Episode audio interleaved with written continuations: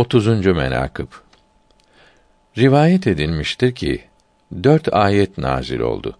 Bu dört ayeti kerimenin her biriyle Cihar Yari Güzin radıyallahu teâlâ anhüm kendini kurtulmaya sebep edindi. Bundan sonra Allahü Tebareke ve Teala Cihar Yari Güzin'in senası hakkında dört ayeti kerime daha nazil kıldı.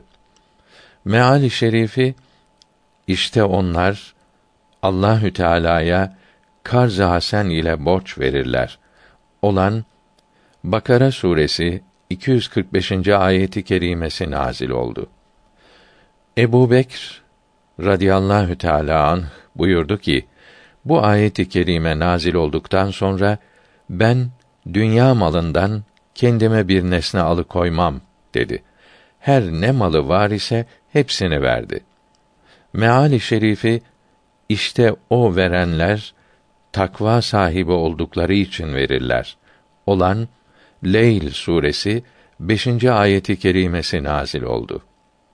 Meali şerifi cuma günü namaz için ezan okunduğu zaman Allah'ı anmaya koşun. Alışverişi bırakınız. Olan Cuma suresi 9. ayeti kerimesi nazil oldu. Ömer radıyallahu teala anh buyurdu ki Allahü Tebareke ve Teala Hazretleri buyurdu ki bir saat bey etmeyiniz. Bundan sonra bey etmem.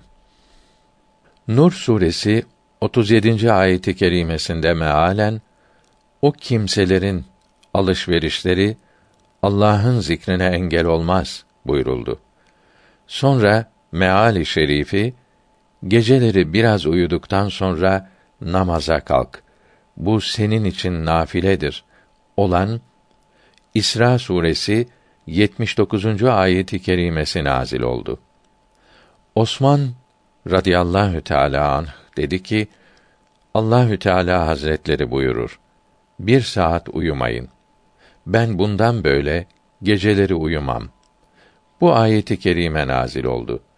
Zümer suresi 9. ayeti kerimesinde mealen bütün gece devamlı secde ederek ayakta durup ibadet edip Rabbinin rahmetini ümid eden buyuruldu. Meali şerifi Allahü Teala müminlerin nefslerini Allah yolunda feda etmelerini istedi. Olan Tevbe suresi 111. ayeti kerimesi nazil oldu. Ali radıyallahu teala anh dedi ki Allahü Teala Hazretleri buyurur. Cihad eyle. Ben bundan sonra cihadı terk etmem.